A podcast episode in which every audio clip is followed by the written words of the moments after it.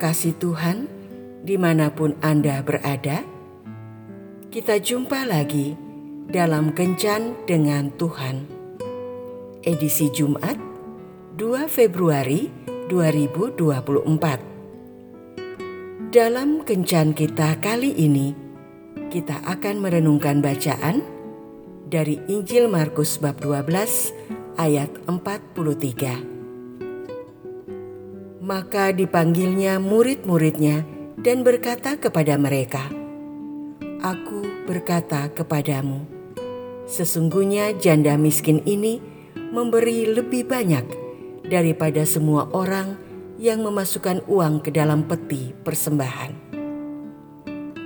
Sahabat kencan dengan Tuhan yang terkasih. Suatu ketika, Yesus memposisikan dirinya duduk berseberangan dengan kotak persembahan. Orang-orang kaya datang membawa pundi-pundi berisi uang yang banyak.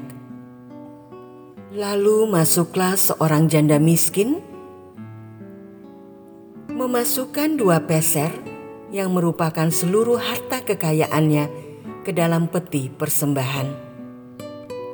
Pemandangan ini menarik perhatian Yesus maka dipanggilnya murid-muridnya dan menyatakan bahwa janda miskin ini memberi lebih banyak daripada semua orang.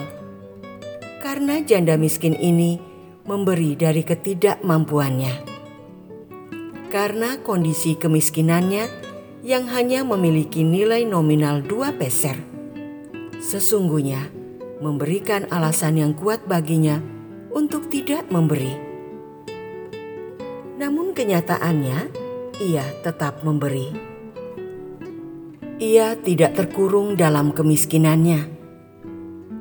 Demikianlah dentingan uang receh yang dimasukkannya ke dalam peti persembahan bergaung begitu kuat, menyentuh hati Tuhan yang terdalam. Di dalam bagian lain, seorang janda di Sarfat pun diperintahkan untuk memberi makan Nabi Elia ketika apa yang dimilikinya hanya segenggam tepung. Tidak ada lagi yang tersisa.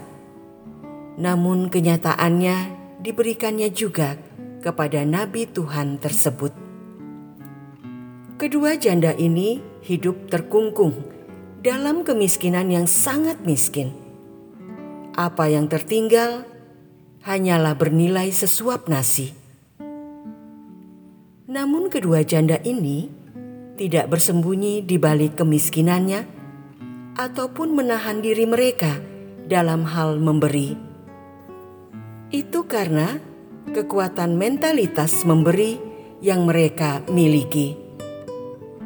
Kita sering kali lupa bahwa Tuhan menguji mentalitas memberi yang kita miliki justru di tengah situasi yang sedemikian buruk dan kedua janda ini lulus ujian. Itulah sebabnya Yesus berkata, "Janda ini memberi lebih banyak dari semua orang, karena ia memberi dari kekurangannya." Demikianlah kita pun diajak membawa pundi-pundi dari lumbung yang kita miliki untuk berbagi dengan yang berkekurangan dan memberkati pekerjaan Tuhan.